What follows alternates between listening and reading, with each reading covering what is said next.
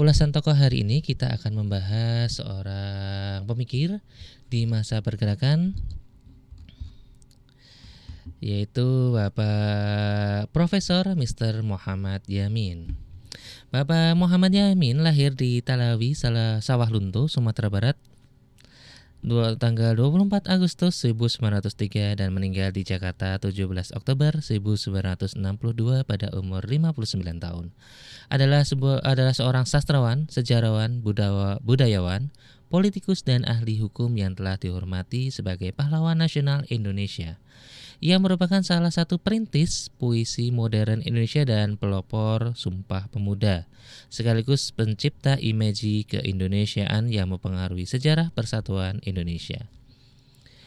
Muhammad Yamin dilahirkan di Talawi Sawah Lunto 23 Agustus 1903. Ia merupakan putra dari pasangan Usman Baginda Khotib dan Siti Saadah, Saadah yang masing-masing berasal dari Sawah Lunto dan Padang Panjang.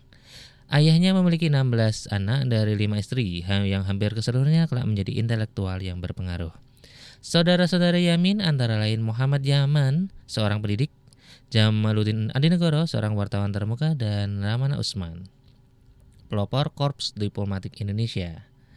Sepupunya Muhammad Amir juga merupakan tokoh pergerakan kemerdekaan Indonesia.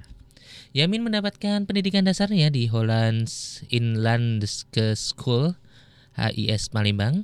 Kemudian melanjutkan di Ike Mini Middlebar School IMS Yogyakarta.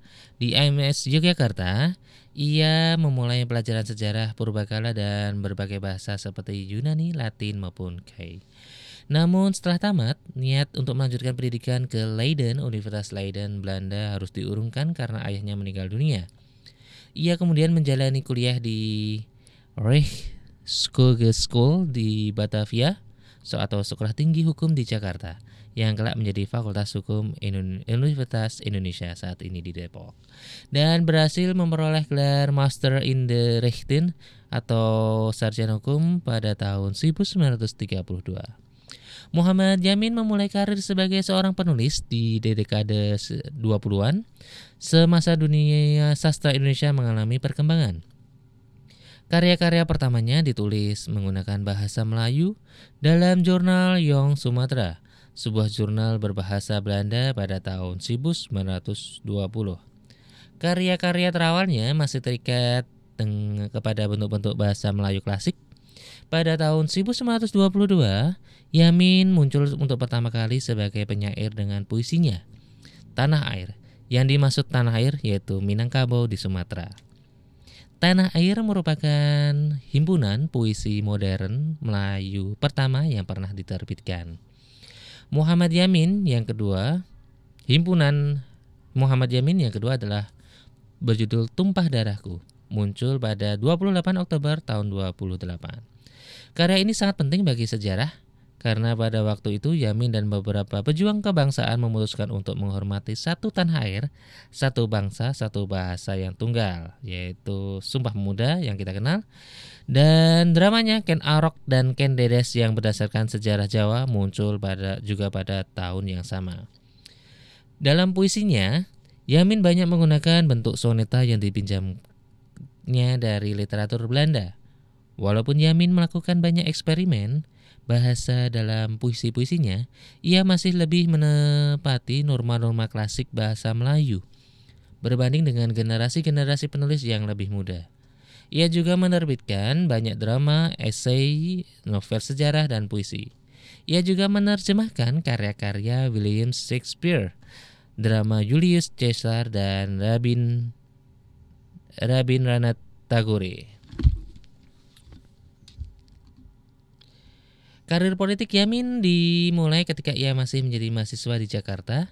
Ketika itu ia bergabung dalam organisasi Yong Sumatera Bond atau Pemuda Belanda eh, Pemuda Sumatera dan menyusun ikrah Sumpah Pemuda yang dibacakan pada Kongres Pemuda II dalam ikrah tersebut ia menetapkan bahasa Indonesia yang berasal dari Melayu sebagai bahasa nasional Indonesia. Melalui organisasi Indonesia Muda, Yamin mendesak supaya bangsa Indonesia, bahasa Indonesia dijadikan sebagai alat pemersatu. Kemudian setelah kemerdekaan, bahasa Indonesia menjadi resmi bahasa resmi dan bahasa utama dalam kesusastraan Indonesia. Pada tahun 1932, Yamin memperoleh gelar sarjana hukum. Ia kemudian bekerja dalam bidang hukum di Jakarta hingga tahun 1942.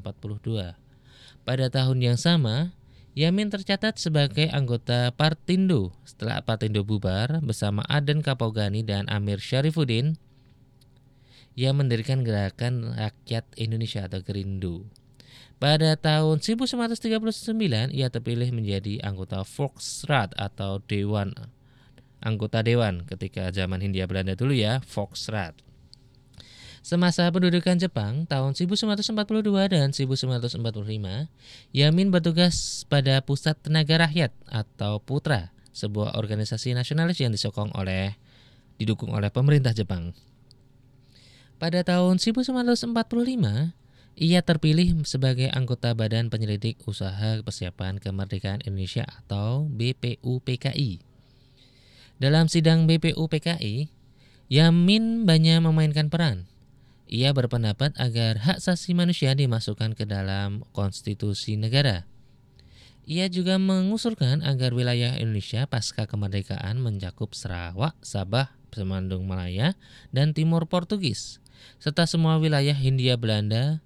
Soekarno yang juga merupakan anggota PPU PKI mendukung ide Yamin tersebut. Setelah kemerdekaan, Soekarno menjadi Presiden Republik Indonesia yang pertama dan Yamin dilantik untuk jabatan-jabatan penting dalam pemerintahannya.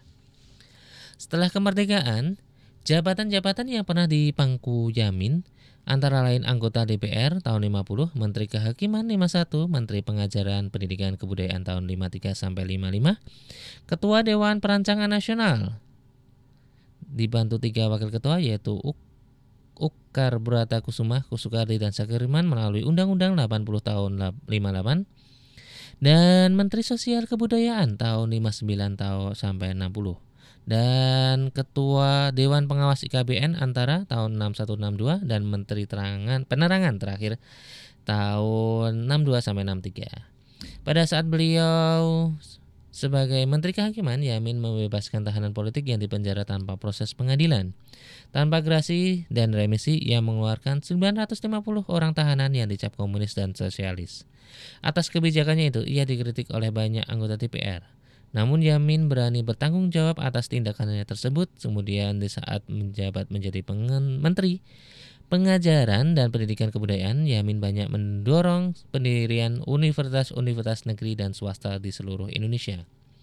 Di antara perguruan tinggi yang dia dirikan adalah Universitas Andalas di Padang, Sumatera Barat.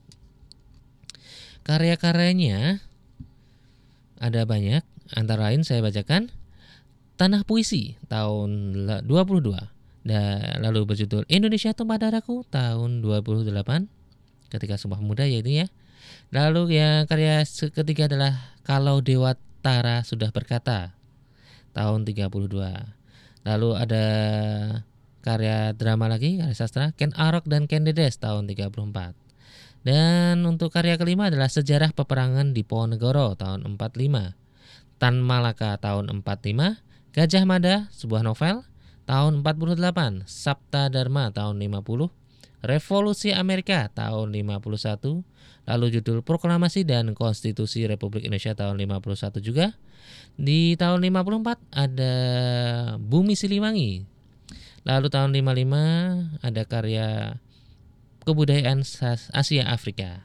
Di tahun 56 Konstitusi Indonesia dalam gelanggang demokrasi dan di tahun 58 karya sastra berjudul 6000 tahun Sang Merah Putih. Lalu tahun 60 eh, karyanya adalah naskah persiapan Undang-Undang Dasar dan terakhir adalah Ketatanegaraan Majapahit.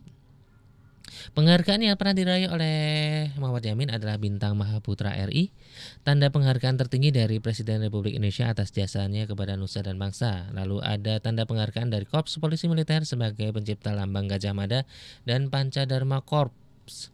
Lalu tanda penghargaan Panglima Kostrat atas jasanya menciptakan Pataka Komando Cadangan Strategi Angkatan Darat atau Kostrat ya, yang kita kenal dengan Kostrat. Yap, Demikianlah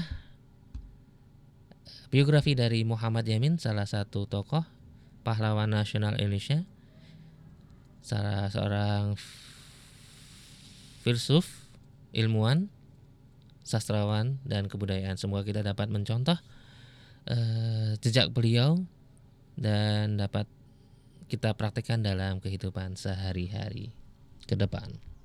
Terima kasih telah menyaksikan, mendengarkan uh, ulasan tokoh dari Radio Logagana 107.6 FM dan Logagana Radio Stream 321.com radio streaming persembahan dari Perpustakaan Logagana SMA Negeri 1 Sedayu.